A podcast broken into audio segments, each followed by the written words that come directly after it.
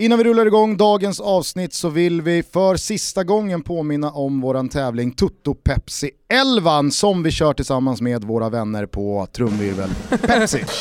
Exakt, eh, nu gäller det. Man ska ta ut sin bästa 11 från Champions League-säsongen. Och eh, vi stänger den här tävlingen snart. Det är jättefina priser i potten, så det gäller att vara med nu. Verkligen, bland annat då så är det biljetter till Friends Arena och matchen mellan Juventus och Atletico Madrid. Så att var nu kreativa, tänk till och skicka in era lag eller spelare som i alla fall ska omnämnas i hashtag TuttoPepsi11. Så kör vi väl ett Toto Balutto nu? Yes.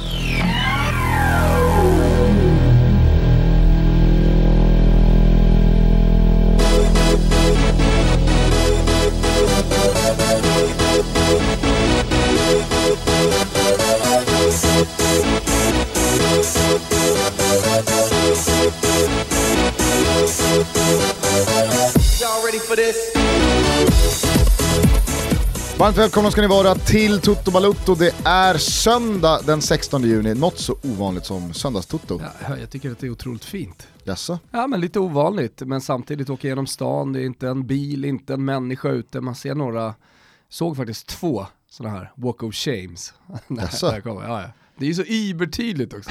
De försöker dölja det, man vet att de varit inne och piffat till sig lite på muggen men det är ändå något knullruff som står i bak och det är ändå, liksom, kläderna sitter inte hundra. Ja, jag, jag, jag, såg, jag såg inga men uh, härligt att, uh, att de flanerar Stockholms gator. Ja men det gör, det gör ju en glad då när man, är, när man är pigg och har gått och lagt sig och så vidare. Och så vidare. Men det har inte du gjort, jag kollade US Open hela natten så du är ändå lite sliten. Jajamän, det, det, är, det kostar på. Själv däckade man ju till Argentina-Colombia. Ja, jag kollade första halvlek Argentina-Colombia. Jävla tröga de såg ut. Ja. Eh, så att, Som nej, alltid! Ja, jag vet. Men sen så när man vaknade och såg att jaha, Colombia har vunnit med 2-0 så kändes det väldigt rimligt. Så gick jag in och kollade lite så här, statistik och highlights från andra halvlek. Då hade ju Argentina ordentligt ryckt upp sig. Eh, men... Jo, men, jo men ändå, jag bara säga det. Alltså, varje gång man tittar på den här startelvan så tänker man ah, hur jävla många mål ska inte de göra här nu? Fan nu får Messi lira ihop med Agüero och så vidare och så vidare. Ja. Slutar ändå alltid så här. Jajamän. Jajamän. Det är så jävla sjukt. Ja, det är faktiskt eh, otroligt De vilken... Paul eh, från Udinese kliver alltså in i 46 minuter för Di Maria, då är det illa. Ja. Jag gillar jag Paul, han är en fin spelare. Samtidigt som man, precis som man varje gång tittar på Argentinas lag och tänker hur jävla bra kan inte det här bli? Nu kommer de, eh, nu kommer de påbörja marschen mot världsherravälde ännu en gång, men så ska det liksom vara blött krut i bössan. Mm. Precis på samma sätt så tittar man ju på Colombias lag varje gång och tänker, vilket jävla lag! Ja. Nu är det ju Carlos Queiroz ja. som kör eh, efter att eh, Peckerman är... har klivit av. Där, där är ju två stycken otroliga förbundskaptener, alltså både Pickerman Pickerman? Peckerman. Peckerman. Jag tror, sa inte du Pickerman? Nej, alltså Pickerman. Peckerman. Men både Peckerman och Quinteros är ju otroliga. Queiroz. Jag sa det? Nej. Quinteros är ju spelaren från Pescara. Snygg save. Nej men eh, Carlos Queiroz känns verkligen som någon som insåg att håller jag mig i ett klubblag så kommer jag synas som den bluff jag är. Han var ju ass i många år till Alex Ferguson i Manchester United och sen så hux flux dyker han upp som huvudtränare i Real Madrid. Och det ska ju inte falla någon skugga över honom, det finns ju de med bättre CVn som har misslyckats i Real Madrid under 2000-talet, det vet, ju, det vet ju många. Men sen så var det som att han insåg att nej, jag bottnar nog inte eh, riktigt i, i den största som... klubblagskostymen, så jag tar landslag. Han har haft Portugal, han har haft eh, Iran här länge. Eh, jag tror han gör klokt i att ta ett Colombia som har ett bra lag, Argentina, Brasilien, uppenbarligen lite lite på dekis. Mm. Uruguay, den generationen. Älskar är... att du inte kan säga Uruguay. Uruguay? Du sa Uruguay säger du alltid. Uruguay, Uruguay. Ja. Kör du, ska du det är söndag morgon. Ska du in och peta ja, men alltså, om du har i det i uttalet mig, efter att du kör Quinteros och? Men, men, när, vi körde, när vi körde Tutski Balutski förra året så, så var det ju på Uruguay hela tiden. Så att jag måste ändå. Okay. Vet du vem som Den också... generationen i alla fall, Uruguay. Mm. Suarez, Cavani och så vidare.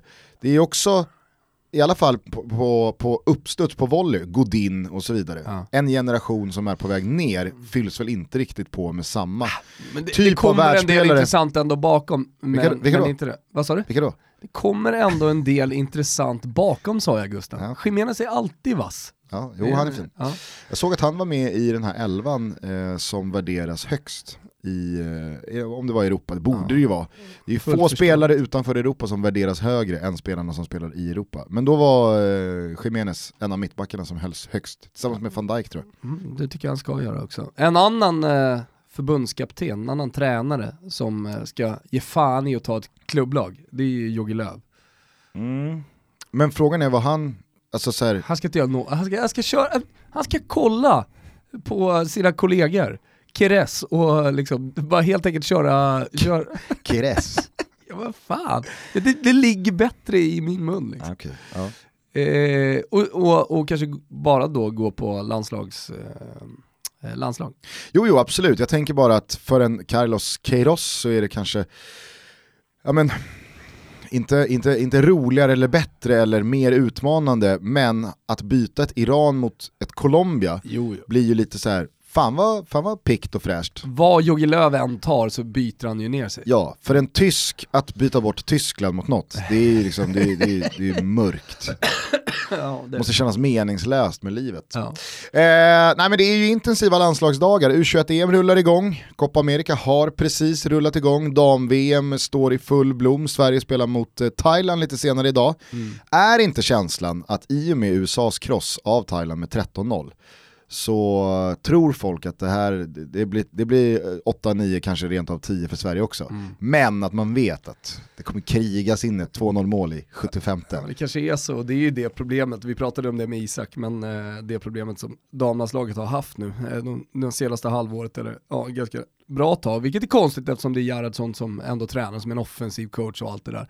Men eh, målskyttet just, eh, så får man ju se, alltså nu när hon Janogy kom in och bara gjorde dundersuccé, fan vad fin hon såg ut! Mm, men snälla säg att du inte är en av dem som, bara inom citationstecken, för att en spelare hoppar in sista kvarten, gör ett bra mål, Nej. då högljutt kräver att spelaren ska starta nästa match. Jag tycker det, det är dumt. Ja, nej så är det, men man ska också komma ihåg att just mästerskap, just landslag, alltså att flyga en sommar, det, det är ju någonting så otroligt vackert och man har sett det många gånger. Det kom när Schillaci kom in 1990 och man, ingen trodde på honom och sen så, sen så flög. Kolla på Henke Larsson, alltså, det han ändå gör när han kom in 94.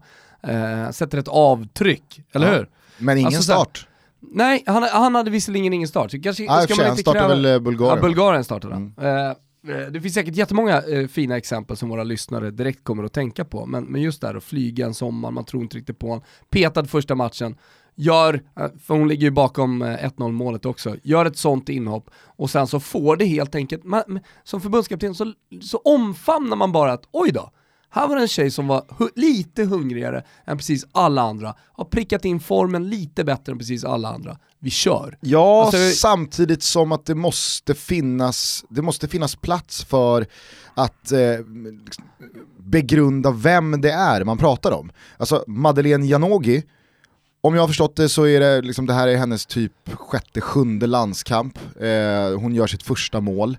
Alltså det är ju betydligt lättare att hålla en sån eh, anfallare utanför startelvan, låta henne hoppa in en gång till istället för att direkt flytta på då Blackstenius eller Jakobsson, de etablerade, givna eh, anfallarna som då ska för då pratar vi verkligen om, eh, om en petning. Du säger att hon petades i första matchen. Jag vet inte om en spelare som inte har gjort mål i ett landslag, Nej, nej, skit, ja, det Nej, var men du- fel ordval. Jag du fattar med. vad jag menar. Ja, alltså, så här, det, är bara, det är bara vanligtvis ordinarie spelare som kan petas. Så är det, så är det. det spelare som eh, normalt inte startar, nej det är så här, ja, du, du startar inte idag Nej, heller. Nej men sen, sen så kan Förstår det ju menar? faktiskt vara ett om det nu skulle bli så då att eh, ja, men hon är orutinerad och sen så går Gerhardsson på liksom, den stora massans önskemål, startar Janogy i en match där det ska ösa sin mål, så kanske det går lite tungt. Vilket är fullt förståeligt i sådana fall. Mm. Ja, då har han ju rört till det ordentligt inför USA-matchen. Ja. Så att Nej, men jag ja, det hoppas kan och tror att Gerhardsson inte faller för populisttrycket här. Men det kan ju faktiskt vara så att det är perfekt läge nu att faktiskt ge en sista chans då till de andra där, där framme, de som startade matchen eh, mot eh, Chile. Och, och, I och med att det är Thailand, i och med att det borde komma en hel del mål, ge dem den här chansen. Eh, för att vi vinner nog ändå. Mm. Och så får, eh, om de inte har skött sig då, får Janogy kanske lite mer tid än vad hon fick eh, i premiären. Ja, Nej men jag tror bara att så, så, är, så är, så rycker man upp det och så startar man med en sån spelare, ta, ta Alexander Isak som perfekt motexempel på här sidan. Ja. Direkt när han, eh, han kommer in mot eh, Rumänien i första matchen. Alltså ska han starta mot Norge borta? Ja. Nej, det ska han inte alls. Nej. Han ska absolut inte starta borta mot Norge, för då, då, det, då går det för fort i att, jaha, här har vi en ung anfallare som kommer in och gör sina första tävlingslandskamper, mm. som på bara ett bra inhopp tydligen ska peta vår mest rutinerade anfallare som har gjort flest mål och förväntas då bära landslaget. Jag håller såklart med dig, men jag vill ändå skilja på situationen EM-kval och eh, mästerskap. Mm. Ah, jag, jag, Där eh, finns en process ändå att eh, Ja, sen så tyckte jag Men var... beakta och vara var lite försiktig med när det är en ung spelare sådär. Jag, det håller jag helt med om. Jag tyckte det var fräscht av uh, Sofia Jakobsson som var en av de anfallarna som byttes ut i, i premiären mot Chile. Oh. Att inte liksom till 100% ställa sig hyllningskören av Janogy utan vara lite förnärmad och säga Perfekt men alltså, vi sprang ju och slet i 75 minuter och gjorde Chile jävligt trötta, det ska man komma ihåg. Alltså sista kvarten så är Chile väldigt, väldigt trötta, då är det ganska tacksamt, äh, hon sa ju inte att det är ganska tacksamt för Janogy att komma hon in och... Menar ju det. Hon menar ju hon menar ju att Jaha, nu passar det. Nej, ja, framförallt så menar hon ju att så här, någon måste förstå att mitt och Stinas gnugg i 75 minuter ligger ju till grund för att ettan och tvåan kan komma mot ett trött försvar. Och det har hon ju givetvis helt rätt i. Ja. Så att, eh, ja. Eh, men vi får väl se när det här avsnittet kommer ut. Vår eh, superproducent Kim Wirsén har flaggat för en stökig helg, i alla fall schemamässigt. och det har han full, det, det, är fullt rimligt att han gör det ja. i och med att vi har satt honom på pottan.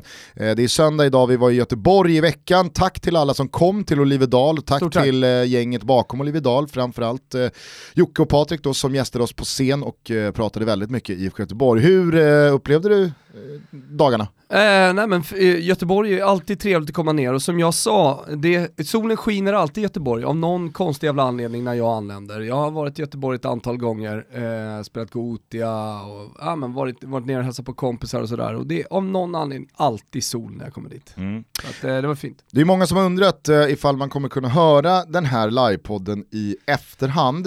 Eh, vi var på vippen att eh, publicera en eh, rejält klippt version. Mm.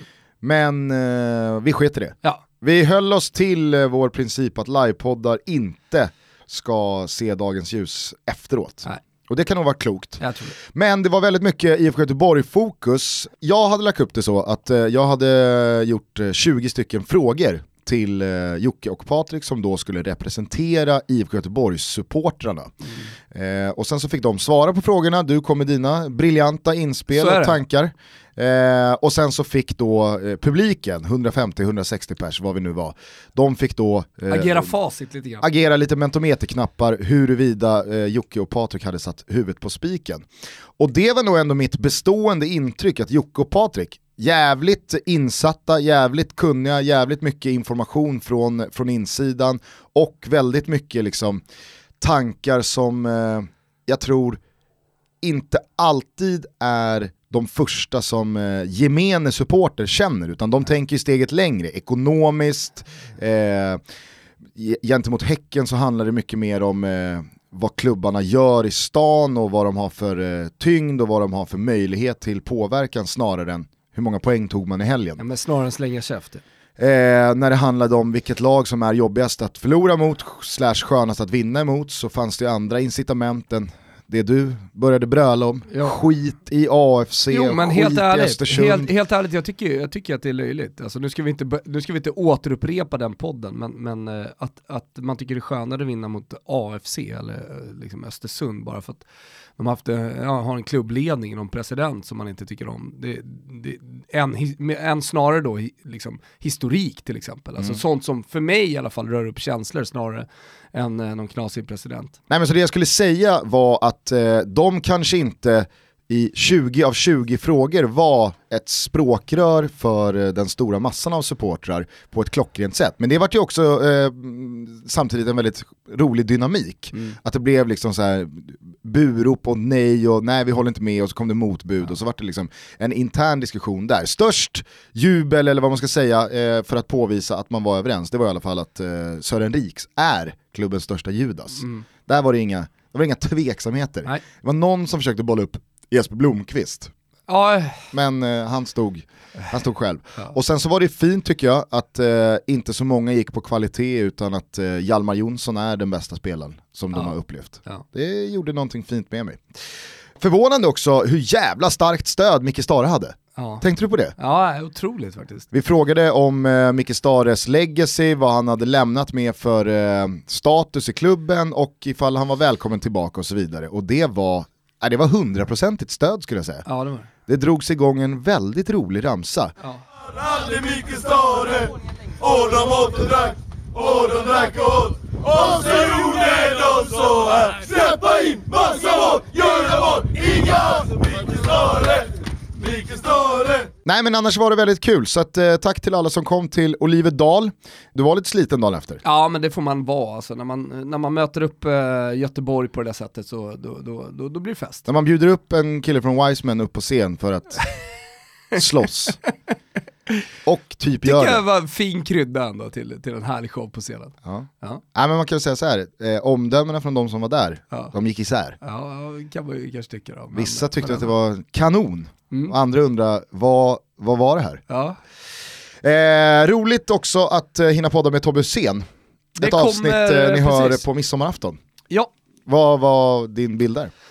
Nej men alltså, för det första så får man ju känslan av en spelare som inte riktigt eh, har lämnat spelarvärlden än. Alltså han är fortfarande kvar med ett ben i fotbollen. Eh, han är med och tränar på Göteborgs träningar, han kör själv i vad är det, division 5 eller någonting i Kungsbacka city. Uh, och när man, när man pratar med honom liksom om ja, hur det varit att lämna fotbollen så, så, så, så, får man liksom inget tydligt svar att uh, ah, men det känns jobbigt eller ah, men det känns rätt skönt att lämna utan det känns som att man fortfarande pratar med spelaren Tobias Hysén. Så det, det, det, var ju, det var i alla fall det starkaste intrycket jag fick av liksom, honom här och nu. Jag trodde att det skulle vara en som hade checkat ut mer i alla fall. Man landade ju eh, i, i snacket kring Blåvitt med honom om att, eh, ja men eh, skulle det verkligen krisa ja. så kan jag på några veckor Ja men det var väl någon mig. månad och man fick, man fick känslan av att helt osugen är han ju inte på Nej. att det ska hända. Nej. Att eh, Benjamin Nygren eh, försvinner, att Vibe kanske skadas, eh, Abraham eh, drar någon baksida och så står de där i stängt fönster och så Tobbe, kan du? Ja. ja. Jag kan. Tyckte han såg ut att vara i riktigt bra form, så vem vet, han kanske redan har påbörjat det, så, så dolde han det lite ändå. Vi är denna vecka sponsrade av Seat Stockholm och nu är det spikat med Topdog Micke att det blir eh, Fickis mot Mickis veckan efter midsommar. Är det så? Det är spikat, det är klart så att jag ber dig, ska du ha, någonting, ska du ha någonting att säga till om i den här tävlingen så får du nog stranda lite Hur under midsommarfirandet. Alltså, sälj dig själv här nu. Jag skulle säga att jag är topp fem fick parkerare i Sverige. Topp fem ja. i Sverige? Yes. Det sjukaste jag hört någonsin. Men Mickis hävdar ju att han är eh, bäst. Ja, så att, eh, det här blir en riktig rysare. Eh, till dess så tycker jag att ni kan gå in på seatstockholm.se, flanera runt lite bland eh, framförallt deras privatleasingsdealar, för de är bra. Ja, de är jättebra. Eh, många känner till det, vissa har inte testat det än, men det är väldigt fördelaktigt och de har många fina och prisvärda bilar. Följ också Seat Stockholm via sociala medier, där heter de Seat Stilm. Vi säger stort tack till just Seat Stockholm för att ni är med och möjliggör Toto Balutto. Tack tack. Oj vad de firar nu borta hos Strive. Alexander ja, Isak är um, klar för Sociedad säger jag bara. Ja, men vi hade... Jag säger inte Real Sociedad eller La Real. Nej, du säger bara sossarna säger jag. Det var kul för när jag började på Discovery så hade ju Emir Osmanbegovic just den liksom förmågan att eh, värva rättigheter, även på TV4 innan, eh, som eh, innehöll då svenska spelare, ofta Zlatan. Eller svenska har, lag. Ja, eller svenska lag. Alltså, de, har, de har haft flyten. Nu har Strive tagit över eh, och att liksom få Isak efter matchen på Friends Arena, när alla stod upp och sjöng Isak, på Bernabéu, jag vet inte om du hörde det? Jo, jag hörde. Så stod ju liksom hela svenska, svenska klacken och sjöng Isak, Isak. La Liga drar igång först om två månader, men fram till dess så finns det en hel del fotboll att se hos Strive, bland annat MLS med Zlatan och International Champions Cup. Så att signa upp ett abonnemang på strivesports.com, det kostar bara 79 spänn i månaden. Det är bara att göra nu. Tack, Tack till Strive för att ni är med och möjliggör Toto Balutto. Hörni, på tal om eh, Micke Stare och eh, allsvenskan, när eh, Stare gästade oss här för två veckor sedan så gnuggade jag min spåkula och eh, tyckte att ja, men kanske är Helsingborg den klubben som först kommer göra sig av med sin tränare och således vara tillgänglig för Micke Stare att eh, comebacka i. Eh, nu blir det ju inte så, men eh, Helsingborg sparkade igår P.O. Jung och allting talar för att eh, man senare idag välkomna tillbaka Henke Larsson mm. som huvudtränare. Det här måste man ju säga är, eh, det, det är ju eh, sprängstoff. Ja det är det ju på många sätt. En högst känslig Framför, utnämning. Ja, jag tror det i alla fall. Men det måste det väl vara? Ja, men så som Henke Larsson lämnade Helsingborg senast. Jag vet, men det verkar vara så för oss neutrala, men samtidigt så har han ett sånt jävla starkt legacy från alltså, spelartiden. Han är ju tillsammans med någon var den största spelaren någonsin som har spelat i Helsingborg. Och, och jag menar den kärleken som man ändå har till Henke Larsson, det han har gjort för klubben, eh, den, den förstörs inte av eh, en säsong, tror jag i alla fall som tränare. Eh, det var någon som skrev det, att okej okay, han är den största spelaren, bästa spelaren som någonsin har lämnat den här klubben och sen tagit sig ut i Europa. Eh, men han är också den sämsta tränaren om man bara kollar till eh, antal matcher, antal segrar och sen så att han dessutom då åkte ur med Helsingborg. Det, ja, det var ju någonting. Och att, alla kommer då... säkert ihåg hur, scenerna från Olympia när man torskade kvalet mot Halmstad och det tar sig in några supportrar från kortsidan, mm. Henke ställer sig i eh, combat, eh, vad heter, Någon skrev... vad heter den positionen? Någon skrev farsan Baloo. Alltså jag tycker ändå att det, det, det beskriver ändå ganska bra. Oj. Kom igen! Kom igen! Oj, oj. Spana in farsan här! Eh, ja, men någon slags korsning mellan farsan Baloo och eh, combat-tecken. Eh, Hette inte gamla tv-spelet Tecken? Jo. När man stod mot varandra. Jo, Round one, fight! Eh, och så skulle det slåss på inneplan, Helsingborg åker ur, Jordan Larsson, alltså hans son, lämnar och, och sen så lämnar han, han går under, går under jorden medialt eh, och var väl i de få intervjuer han eh, har gjort sedan dess så var han ju oerhört kritisk mm. Eh, och, och, uppriktigt förbannad mm. på liksom, supportrarna. Så att, att han nu är tillbaka, efter att P.O. Jung har tagit tillbaka laget till allsvenskan, för det ska ju sägas också att när Helsingborg åkte ur så var det ju P.O. Jung som styrde upp det mm. lite grann. Nej men och alltså så här, att, att eh, P.O. Jung både har tagit tillbaka Helsingborg och dessutom förlängt sitt avtal så sent som eh, i, i mars, tror jag att eh, det var. Det gör ju det hela än mer delikat. Att dessutom Andreas Granqvist, mångårig landslagspolare med Henke Larsson, är sportchef Alltså det, det, det är tillspetsat nu. Ja, med tv-avtalet som kickar in nästa år med anledningen från Helsingborg som det var ordförande igår som eh, motiverade det här beslutet. Att så här, vi, vi kan inte vi, vi, vi, vi vill inte chansa. Tabellplaceringen är helt okej. Okay. Poängskörden, visst, vi hade kunnat önska oss några poäng till, men det är trenden som gör att vi eh, låter PO lämna här nu. För att vi kan inte åka ur allsvenskan. Så att det, det är ju inget... Eh, det är ju inget härligt eh, läge att komma in i Nej, som var, Henke Larsson. Var, var, skulle, var skulle Henrik Larsson lämnas liksom på eh, tränarlistan Supreme om det är så att Helsingborg åker ur? Alltså att han, nu ska man väl inte säga att han har liksom kört ner laget i superettan en gång till, man får ändå ganska mycket tid på sig nu. Det är, det är ändå bara juni, ja det är 18 omgångar, det är bara juni. Så, så, att jo, han kör väl ner dem då i superettan om det är så att, uh, att, man, att man åker ur. Vart, vart ska han ta vägen då? Du kommer ihåg ryktet som blossade upp bara för ett par veckor sedan? Att han, alltså Henke och Johan Mjällby skulle över till Skottland igen och, och assistera i Celtic. Mm. Nyländaren är tillbaka där. Ja, Neil Lennon och sen så då kan man ju se Henke vid hans sida och Mjällby som någon eh, oms, omklädningsrumsgormare lite ja, grann eller? Ta, ta Mjällby som exempel på hur snabbt det kan Absolut. gå. Absolut. Alltså när, när Johan Mjällby kommer hem efter ASS-uppdrag i både Celtic och Bolton så känns det som att så här, äh, men, uh, Mjällby är nog ett bra assuppdrag från att ta ett lag i allsvenskan Mm. och göra det bra. Eh, sen så väljer han att hoppa på eh, Västerås och det, och det förstod jag. Jag menar, kolla VSK, de håller på att verkligen etablera sig i superettan, det finns pengar, det finns en stad och en, eh, en vind som blåser i den där klubben som nog kommer landa i allsvenskan om en 3-4 år, det är jag helt övertygad kring. Men kanske var det något år för tidigt att hoppa på, eh, för att förväntningarna på Västerås SK var ju betydligt högre än vad spelartruppen matchade. Det förstod man ju när man Ja. pratade med Mjällby.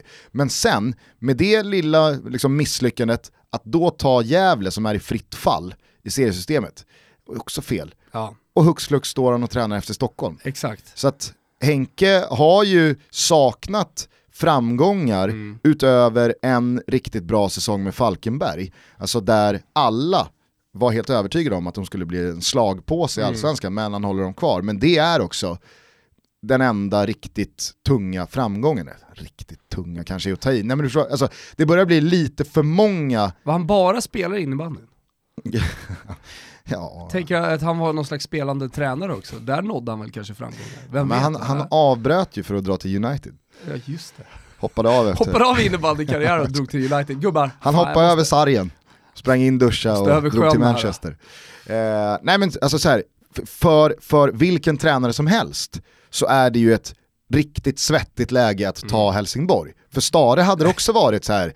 jag menar, vi pratade ju med mycket, vi pratade ju med Micke mycket om det i avsnittet sist. Ännu mer kanske off mic, Ja. att det är så jävla viktigt med timing.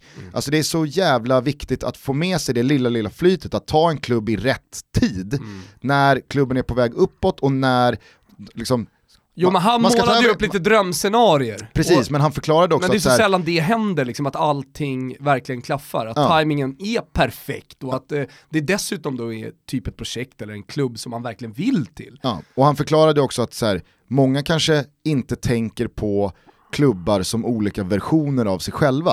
Alltså att det finns, du kan ta över IFK Göteborg i tio olika skeden, i tio olika lägen. Alltså klubben kan må på tio olika sätt, även fast det är samma IFK Göteborg du tar över, eller AIK, eller Häcken, eller Helsingborg, eller vad det nu är. Eh, och, och det ska man ha med sig, att, att ta över Helsingborg nu, det kan ju vara något helt annat än att ta över Helsingborg för ett år sedan, eller om ett år. Och, och, och alltså, till och med för en så rutinerad eh, tränare och, och, så högt ansedd tränare hade det varit ett knivskarpt läge att ta Helsingborg. Med det bagaget Henke kommer med, det, dels som spelare och dessutom då hur han lämnade som tränare sist. Farsa Baloo. Ah, det är, jag tror att det är Örebro borta i första matchen. Mm. Konstgräs.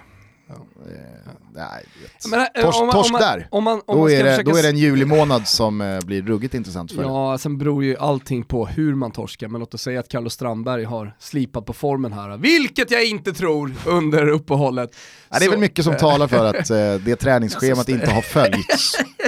Ja, eller, eller så har han hittat någon slags taggning här. Men, eh, nej men, sättet man förlorar på. Eh, men om man ska se det positivt så kan det ju också vara så att han kommer in med, alltså att, att det är en röst som kommer in i omklädningsrummet tillsammans med Granqvist som kanske då får ihop trupperna. Att eh, lagmoralen kommer tillbaka på ett helt annat sätt. Att, att det är precis det Helsingborg behöver snarare än liksom någonting taktiskt. Att Henke kommer in och uh, gjuter mod liksom i, i spelartruppen. Ja, samtidigt som, alltså, vi satt ju här efter allsvenska premiären och vi har liksom pratat ganska eh, bra och mycket om Helsingborgs eh, demografi i truppen, att det här är verkligen ingen vanlig nykomling, men den här våren har ju verkligen gjort det tydligt att Kanske har man varit par, två, tre, fyra år för gamla i medelålder. Det är lite för många bärande spelare som är 30 plus och det är inte många av gänget Granqvist, Wandersson, Farneruda, Farnerud, Abubakari som har skakat ihop eh, tio matcher. Utan det har ju varit väldigt skadeskjutet, det har varit väldigt mycket ljumskar här, någon baksida där, en vad där. Eh, Bjarnason också ska, alltså Mm. Men det kan också vara så att han kommer in i, i rätt läge då, att det är många som är på väg tillbaka, och att han har stämt av det och att han känner att det är liksom, ja, tvärtom då. Om man bara kollar på den här säsongen, om man pratar om timing så ska det vara rätt timing i projektet. Var är de någonstans just nu? Eh, och att han känner just nu, i den här säsongen, så kommer han in, han kanske får tillbaka några spelare och verkligen kan lyfta det.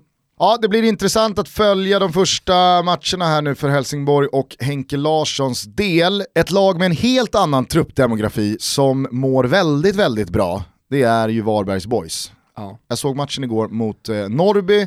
Det är oerhört imponerande att se ett lag slakta en serie så som Varberg eh, liksom gör just nu. Mm.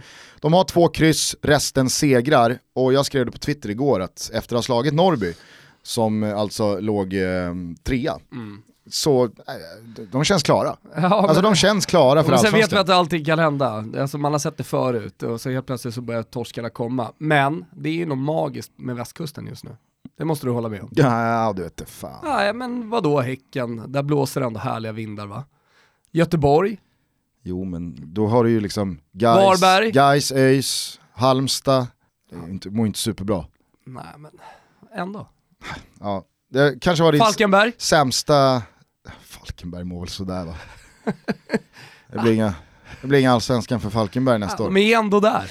Det jag skulle säga i alla fall var att eh, jag, tror jag, precis som många andra, har haft lite dålig koll på Varbergs Boys. Man har inte riktigt eh, tagit den klubben på allvar som en allsvensk kandidat de senaste åren, utan de har legat och guppat i mitten, eh, nedre halvan, superettan och så, liksom så här, ja fan, Varberg verkar göra det bra. Och så har man hela tiden matats med att det är en fantastisk sommarstad och Påskbergsvallen, jävla supermatta och det är ett gräslag och det är en gammal fin anrik förening som övriga supporter-Sverige verkar ha väldigt lite problem med. Ja. Till skillnad då från AFC i Östersund och, och, en, en del andra föreningar.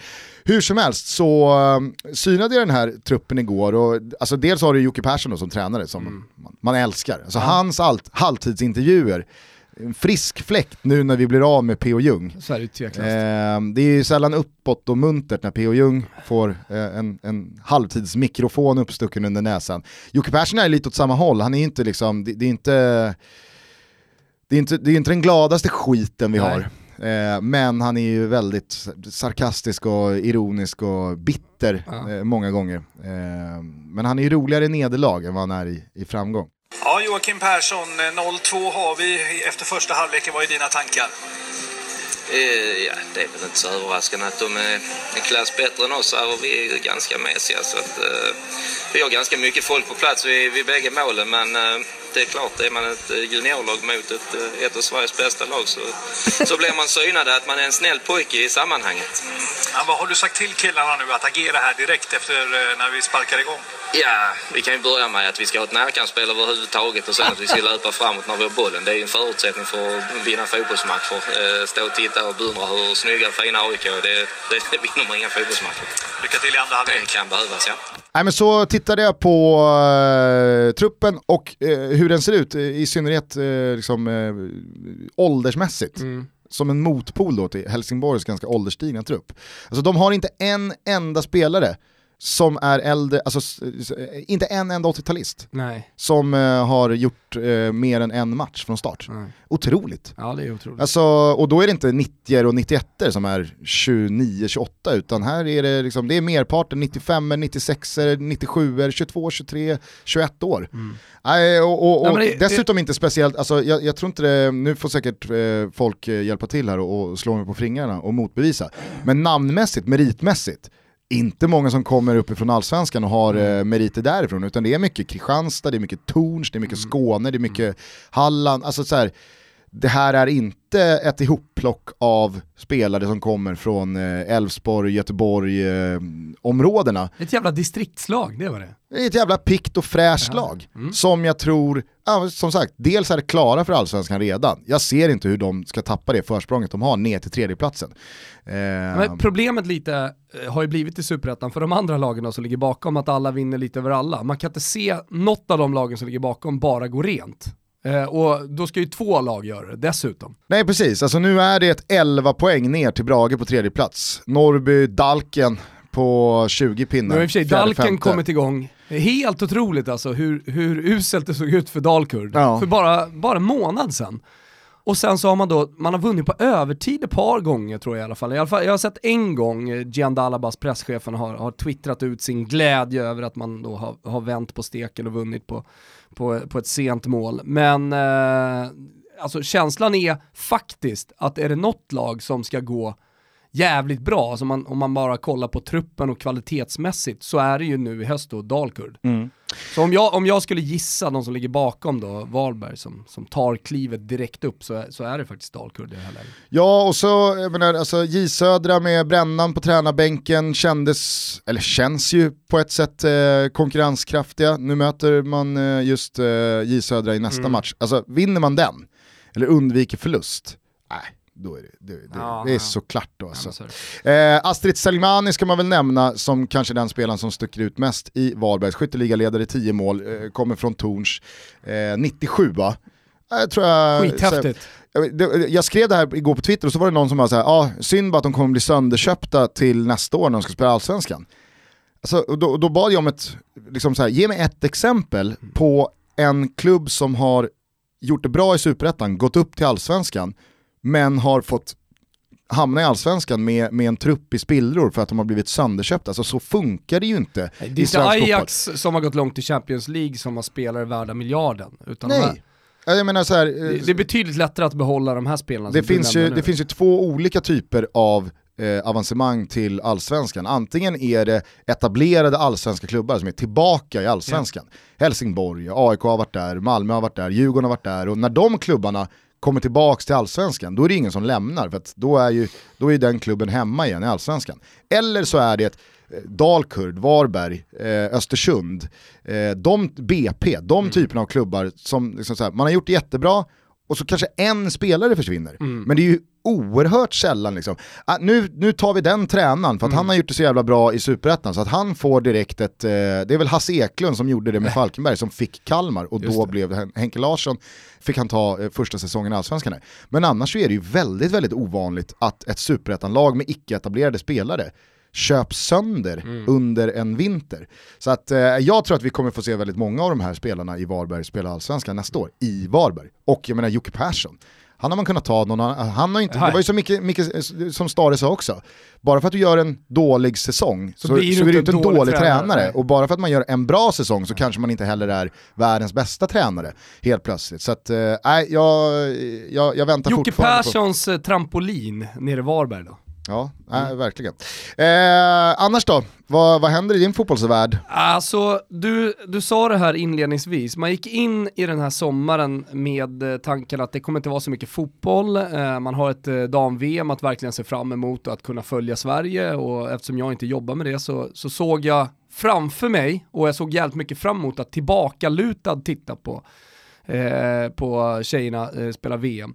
Eh, sen började U20-VM som man började snegla lite lätt på. Man hade det i alla fall där, jag ska inte säga att jag, Ja, jag har liksom det, legat alltså. och pu- pumpat helt, men, Jag men säga, jag, jag informationsmässigt U20-VM. Problemet är här, informationsmässigt så tar jag ändå in att Ukraina har gått bra, att det har gått hela vägen, såg att Erik Niva Ja, men, skrev om en... Ja, Ja, kul att du säger det, för att jag, jag, jag fotade faktiskt av den igår.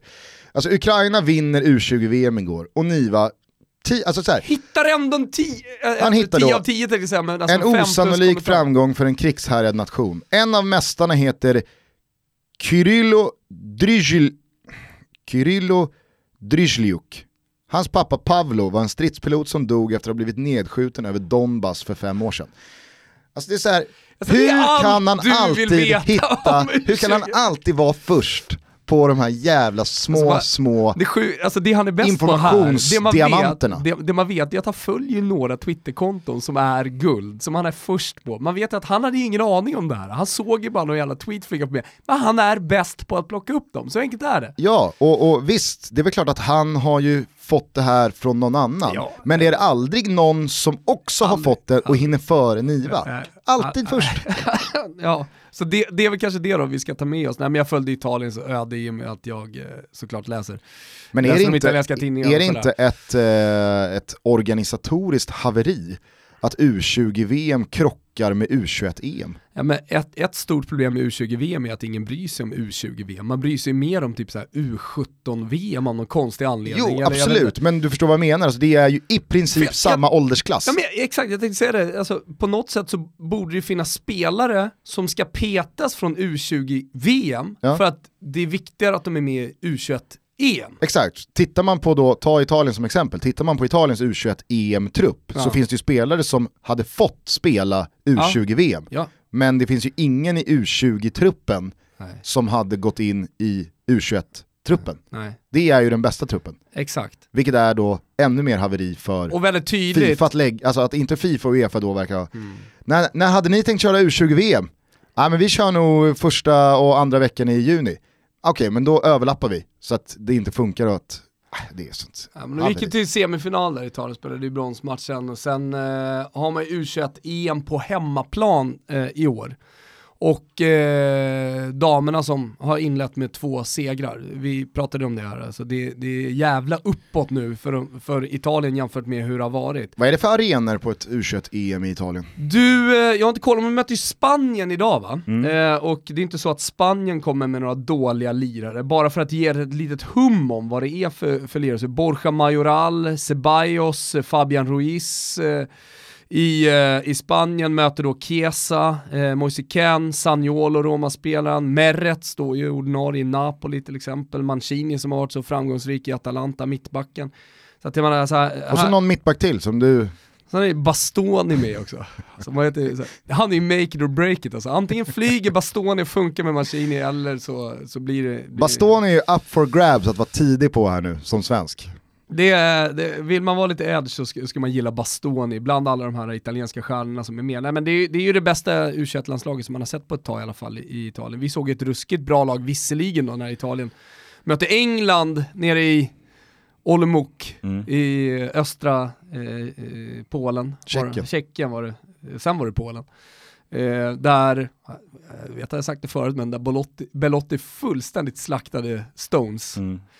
Och gick och, och babblade hela tiden. Nej men man har ju till exempel Cotrone på bänken, alltså, för att ge det ett hum, återigen om hur, hur, hur, hur vassa de här två lagen är. Och de möts, var undrade du, Bologna, Okej. Dalara är väl... eh, Dalara. Känns, känns, eh, Känns som ett... känns som en rimlig U21-EM-arena. Jag, jag vet inte om man har gjort så, men eh, det hade varit rimligt att köra då lite Emilia-race, så att man har eh, Ferrara, som också heter Emilia-regionen, eh, som har en arena som absolut håller måttet för, för det här. Mapei, Tardini känns ju också Tardini och Ma- Mapei då, som är Ja. Sassuolos eh, hemmaarena. som Tardini Ligger. Reggio Emilia och ingenting annat, ligger ju inte i Sassuolo, det är viktigt att säga va? Det har vi pratat om förut Gusten.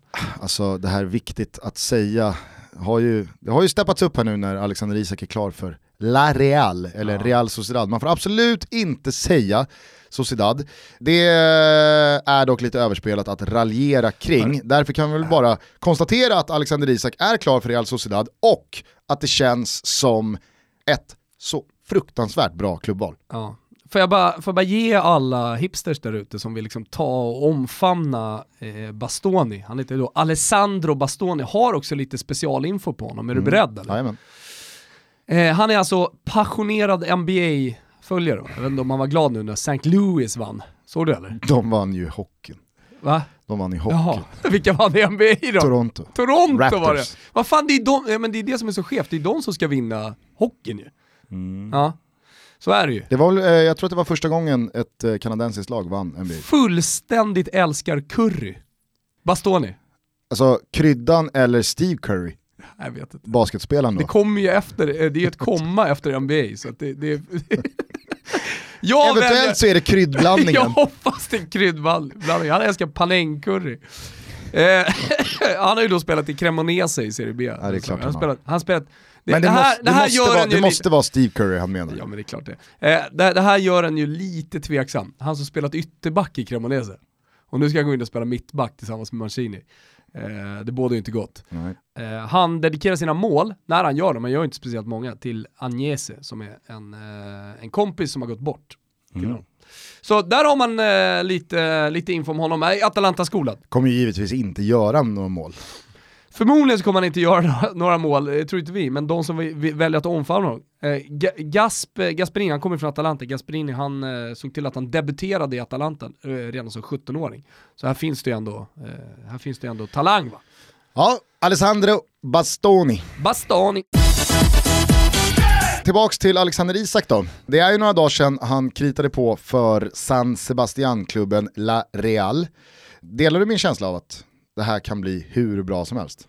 Jo men det är, ju det, här, det är det här klubbvalet som alla skrikit om. Alltså som alla skriker om. Man ska inte gå till Belgien, helst inte gå till Holland, man ska inte gå till en för stor klubb. Ja men då ska du hamna i, i någon slags här mittenrike, mittenskikt i de stora ligorna. Så att du kan ändå, du kommer ändå få matchen borta, borta mot Real Madrid eller Barcelona. Mm. Gör du mål i en sån match och sen så gör du 10 till, ja men då vet du, då har du mer eller mindre liksom nästa kontrakt, en stor klubb eh, som kommer vara så pass intresserad av dig att du hamnar där till slut. Alltså typ. Ja men För exakt. att, för att, för att liksom Och just som anfallare, så, lite. just som anfallare så tror jag att det där är ja, men kanske lite underskattat i när, när folk tänker på vilken klubb man ska hamna i. Att som anfallare spela i en riktig toppliga, alltså La Liga eller Premier League eller Serie A kanske, men att göra det i ett bottenlag kan ofta leda till att du, du, liksom, du grusar dina aktier framöver. För att när säsongen går i mål så har du gjort två mål, max. För att du har sprungit runt och spelat försvarsspel i 90% av 90% av matcherna. Eh, det har ju Danne berättat flera gånger att liksom, det är så oerhört mycket mer försvarsspel än vad folk tror. Och det är väldigt mycket mer svart på vitt hårda siffror efter säsongen som bestämmer hur din framtid sen ter sig. Alltså, d- du kan vara jättebra, men har du som anfallare gjort Men tre sportcheferna går mål... inte in och gnuggar din defensiv Nej, precis. på Y-scout Och det- efter säsongen. Och det är det jag menar att så här, hade han, hade han hamnat i, eh, låt säga, eh, Leganes, Mm. Levante, något av de lagen, och spelat, eh, säg att han då eh, får 24 starter, 10 inhopp och så stannar han på två kassar. Ja, då vänder den här, eh, då ja, vänder så den här de dessutom ut då kanske. Ja, då, då vänder den här karriären en gång till. Ja. Nu hamnar den i ett lag som i ja, men 14, 15, 16 matcher Mm. av 38 kommer vara laget som ska föra spelet, som kommer ha bollen, som kommer... Dessutom ett ganska offensivt eh, vägt lag också. Alltså det, det är framåtlutat och det, det, det är liksom fyra anfallsspelare mer eller mindre som spelar. Så att jag menar, han kommer ha bra eh, understöd också. Mm. Han kommer få bollarna, chanserna kommer dyka upp. Och det är därför jag tycker det känns lite som en garanti. För man vet, får han chansen spelar det liksom ingen roll. För, för det måste man ändå säga om La Liga, hur liksom, bra fotboll det än är. Försvarsmässigt så är det inte liksom, ja men Italien till exempel, jag tror inte heller det är riktigt Bundesliga, det är inte Premier League heller, eh, där det är lite hårdare, utan det, det, det, är lite mer offensivt viktat också på lagen som de möter. Eh, och, och är det någonting som jag tycker verkligen Alexander Isak har visat, eh, och både i landslaget ska sägas och i Holland, så är det att han sätter dit, när han får bollen så sätter han dit den. Jag vet inte hur mycket han har gnuggat det, men han är en otrolig avslutare redan. Vilket då Re- Real Sociedad, om man nu gör ekvationen, ihop med det, framtungt, eh, och med största sannolikhet kommer han få spela mycket också. 10 måls garanti på Isak. Nej, jag, tror, jag tror verkligen också det. Alltså. Det, det kan bli hur bra som helst för Alexander Isak. Dessutom så tror jag att det är större skillnad på 100 miljoner för Borussia Dortmund och 100 miljoner för Real Sociedad Herregud. än vad jag och kanske många andra eh, också tänker att det, det sa ju folk när han gick från AIK till Dortmund att ja men herregud, Borussia Dortmund investerar ju inte 100 Nej. miljoner i Alexander Isak för att låta honom sitta och ruttna på bänken. Tydligen så blev det ju så, för att 100 miljoner för Dortmund är inte alls eh, samma sak som 100 miljoner för Real Sociedad.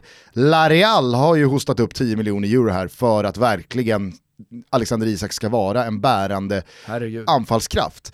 Ett lag som Dortmund, visst, 100 miljoner är mycket pengar, men de sitter på Royce, de sitter på Paco Alcacer, de sitter på eh, Jadon Sancho, Pulisic, alltså spelare som ska spela. Visst, det, det, det, blev inte vad det, vad det skulle eh, kunna ha blivit för Alexander Isak i Borussia Dortmund. Men de fick tillbaka sina pengar, alla... Plus att Dortmund är en klubb som kan köpa tillbaka honom för 30 miljoner sen utan att, att, att, att liksom få fansen emot sig. Nu är det inte så att de skulle få fansen emot sig, men utan, utan att de skulle vara jättemissnöjda Exakt. över det. Så det går inte, det går inte att kalla Alexander Isak för eh, bad business i Borussia Dortmund.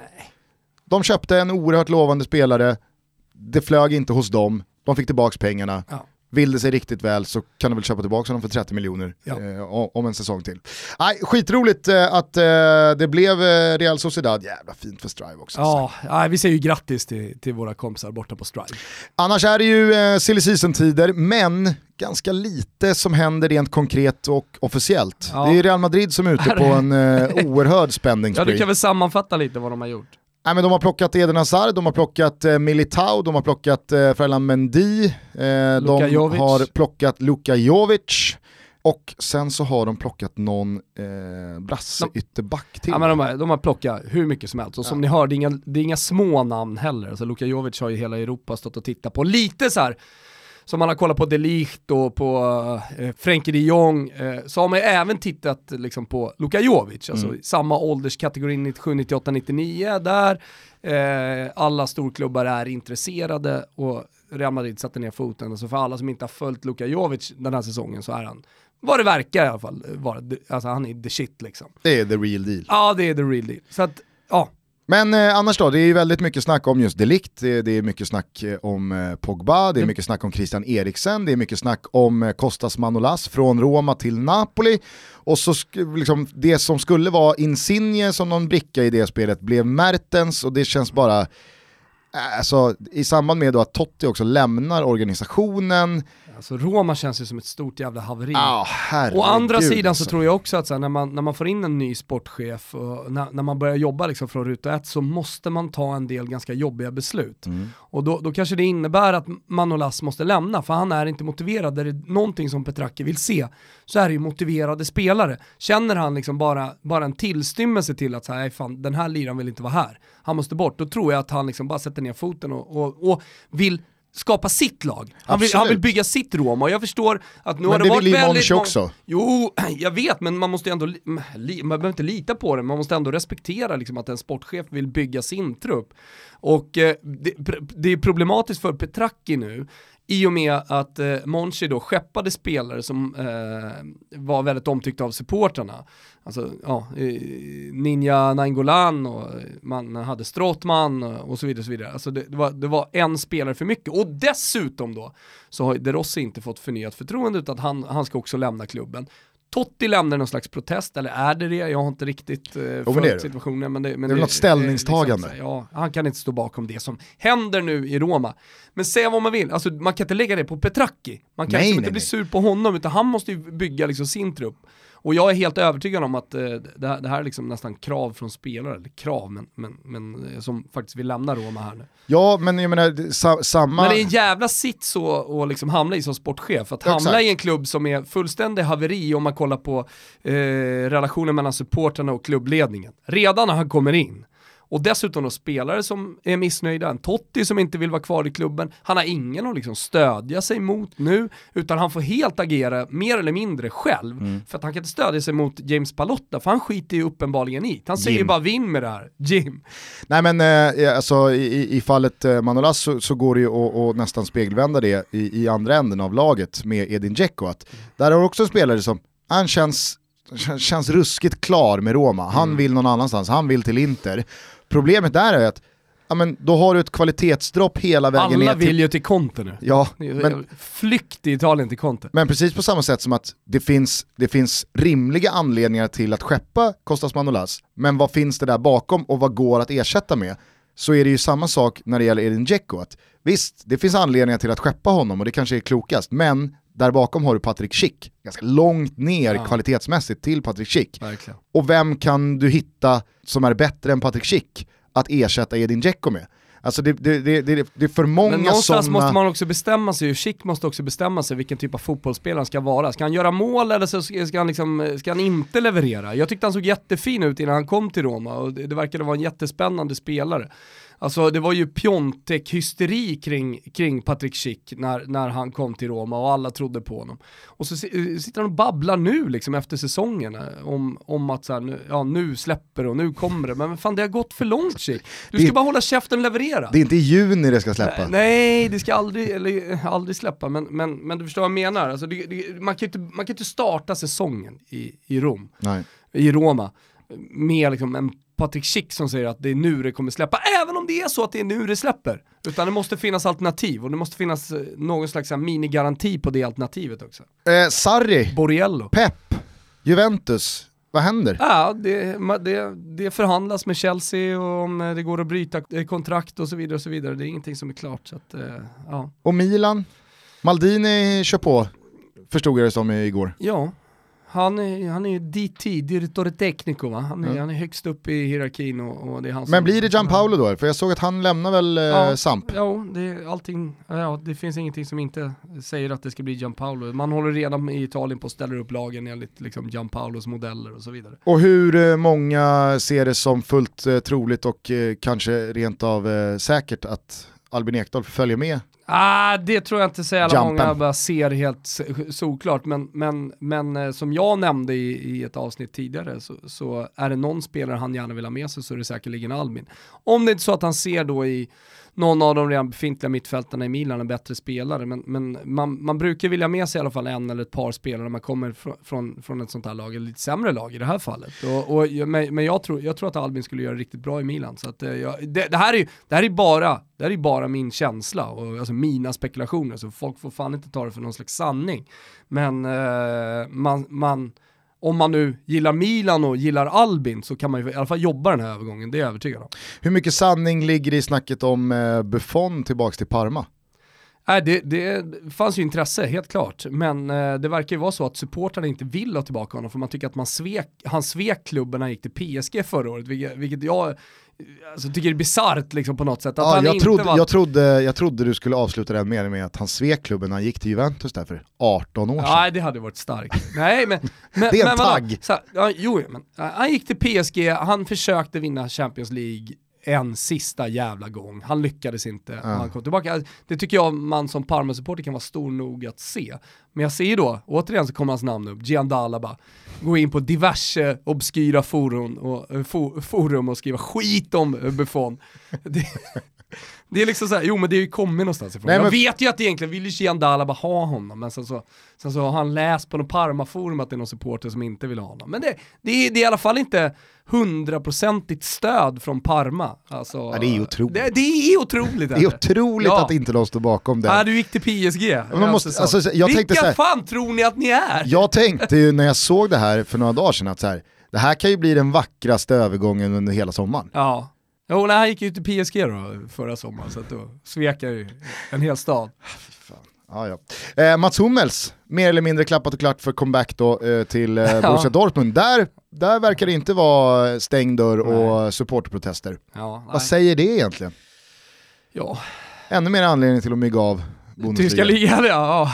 Nu, nu har vi ju gett den tyska ligan ett helt program tillsammans med Lill-Pöler. Eh, Så att nu kan vi börja mygga av den i ett år igen innan vi sätter oss ner med Pöler igen. Nej, men det det säger för mig det är ju att eh, det är Bayern München eh, inte bara behöver göra saker framåt eh, i laget, alltså ersätta Robben, Ribéry, kanske rent av Thomas Müller och, och några luckor till, utan eh, med Boateng som enligt Pöler mycket väl kommer kunna lämna under sommaren och då Mats Hummels ifall han ska lämna. Jag tror inte Syle är rätt häst att satsa eh, vidare på som någon slags försvarschef kommande fem åren, utan då ska det värvas eh, två mittbackar också. Mm. Aj, fina silly season-tider Ja alltså. det är det. Ja, men det, det är ganska många spelare, stora spelare, alltså, som ska sättas och addera då att eh, tränare inte är klara. Att eh, Juventus fortfarande liksom försöker lösa Sarri och jag menar, det, det, det kan hända så jävla mycket. Vad händer med Icardi till exempel? Ja. Eh, alltså sen, sen så finns det spelare precis bakom, inte liksom Icardi-nivå på intresse, men så André Silva ska komma tillbaka till Milan. Hummel säger du, går tillbaka till Dortmund, vad ska Manchester United göra? Sinnessjuk silly season så här långt. De har, de har förnyat med, vilka då? Ja, men jag, kan, eh, jag kan berätta vad Manchester United hittills har gjort, eller Ed Woodward hittills har åstadkommit där borta. Manchester United har förlängt kontraktet för Pereira, de har förlängt kontraktet med Young, de har förlängt kontraktet med Phil Jones, de har förlängt kontraktet med Chris Smalling. De har inte gett något nytt kontraktsförslag till David de Gea. Man har skeppat iväg Ander Herrera, är det klart för PSG? Det skrev ju den här Mm. Indicalia News för eh, typ en och en halv månad sedan. Så det litar man ju på. Eh, Juan Mata, han har fått ett nytt kontraktsförslag. Visst. Eh, Romelu Lukaku verkar av allt att döma lämna. Jag såg eh, Belgien mot eh, Skottland Mm. i, eh, tidigare i veckan. Jävlar vad bra han är Romelu Lukaku alltså. Ja. Det är i rätt miljö, med Rätt rätt, spelare kring sig. Vilken centertank och maskin det är. Han ska till Inter. Paul Pogba, han vill ju lämna, det talar väl ganska mycket för att eh, det, det blir en exit där. och eh, man har då eh, signat en spelare från Swansea, man har inte löst en sportchef. Wan-Bissaka. Och van Bissaka-dealen, den, den ser ut att implodera. Nej, det är otroligt alltså. Ja. Det är otroligt Det är det hur jävla uselt man kan agera. För det, det brukar annars vara ett kännetecken för, alltså titta på Real Madrid här nu, Mm. hur de agerar efter en säsong där ligatiteln försvinner redan eh, i eh, årsskiftet Mm. och sen så åker man ur den eh, turneringen som hela tiden har befäst dem som ett av Europas allra bästa lag. När man inte gör det och det blir en sån här säsong, att, vad håller vi på med? Ja. vad gör man då? Bang, bang, bang, bang. exakt. Direkt i juni spänner man musklerna och tar de här spelarna innan det blir dragkamper, utdragna förhandlingar, pressade priser. Alltså, Det är inte så att det inte finns spelare som är missnöjda, stora spelare som är missnöjda. Exakt. Som, som säkerligen liksom hade lockats av deras pengar och ändå spelar Manchester United trots att det inte är Champions League och så. Och dessutom så tror jag inte man ska underskatta heller hur viktigt det är att ha truppen på plats ifall man vill flyga från start när man samlas. Nej. Inte massa spelare som ramlar in under augusti som ska, ska hitta rätt. Oh. Eh, så att, eh, jag, jag är förvånad över, kanske inte att Manchester United har agerat på Real Madrid-nivå, men att man inte har gjort någonting. Ja, förutom att framförallt plockat, så, framförallt så plockat läser du ju upp här någonting, saker man har gjort. Man har ju ändå gjort saker. Äh? man har gjort helt fel Äh. saker. Ja, Ja. Nej, eh, Ed Woodward och Manchester United får nog eh, lägga i eh, minst två växlar om inte det ska bli en riktigt tung säsong igen. Eh, med det sagt kanske vi ska stänga detta söndagstutto så att Kimpa kan få ut det här i eten innan allt för mycket hinner hända. Ja, det ska han få göra och vi är tillbaka i veckan som ni vet, då, då är det mer eh, ja, men ordningen återställd, vi kommer med ett tidigt avsnitt och sen så har vi, eller vi bjuder på Tobias Hysén till midsommar. Mm. Jag drar till Barcelona imorgon. Ha det så kul! Mm, det ska jag eh, verkligen försöka ha. Så att, eh, jag kanske ska ta med mig mikrofonen, ge mig ut på stan Ja. och köra en, eh, en eh, enkät med eh? Barcelona-supportrar. Ja. Vad de vill se hända. Framförallt så kommer du ju träffa Barcelona-supportrar som inte bor i Barcelona. Och du vet vad man säger om taxichaufförerna i Barcelona? De håller på Espanyol. Största myten, det måste du också kolla upp. Ja. Åk mycket taxi. Jag ska åka Gustav. mycket taxi och så ska jag köra... Det är det, det, det, det är som folk brukar säga när de åker på weekendresor, alltså det man gör det är att man knallar mycket och det är liksom grejen och så sätter man sig på torg och sånt där. Jag knallar ju ingenting, jag åker bara taxi mellan olika platser. Vet du vad det absolut slappaste är också i eh, liksom, fotbolls-tv-branschen? Det är ju liksom Jaha, repo- prata reportrarna... med, men har vi inte redan komment- sågat det några gånger? Ja, jag vet inte. Det tåls nog att sågas Ja. igen. Jag Eh. snackade ju med, det, det värsta är om det kommer upp i en studio eller det sitter en expertkommentator, vilket det ofta gör, Ja. och säger att Men jag pratade ju med främst, reporter, främst reporter vid sidlinjen. Tror att det var Kviborg eh, av alla sorgliga figurer som en gång sa att, eh, alltså mitt, mitt bästa, han har två bra tips. Det, det ena det är om man är kommentator då, ringa till ambassaden och kolla hur saker och ting uttalas. Det vet man ju, det har ju inte hänt sedan 1983. Liksom.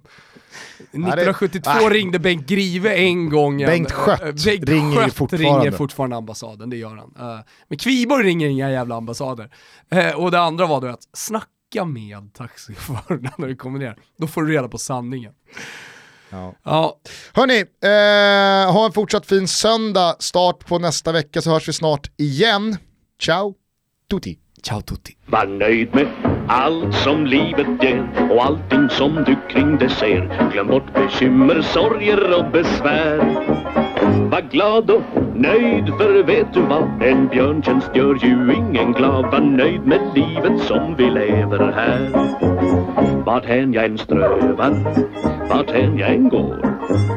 Står djungel och snår kring mina spår. Jag älskar bin och deras bon för honung är ju min passion. Och vill du av myror få munnen full så ta en titt under sten och mull och kanske smaka på dem. Äta myror? Det är världens käk. Kittlar dödsskönt i kistan. Mowgli, se upp! Var nöjd med allt du ser och allt som livet ger. Men när? Allt livet ger. Var nöjd med allt vad livet ger och allting som du kring det ser. Glöm bort bekymmer, sorger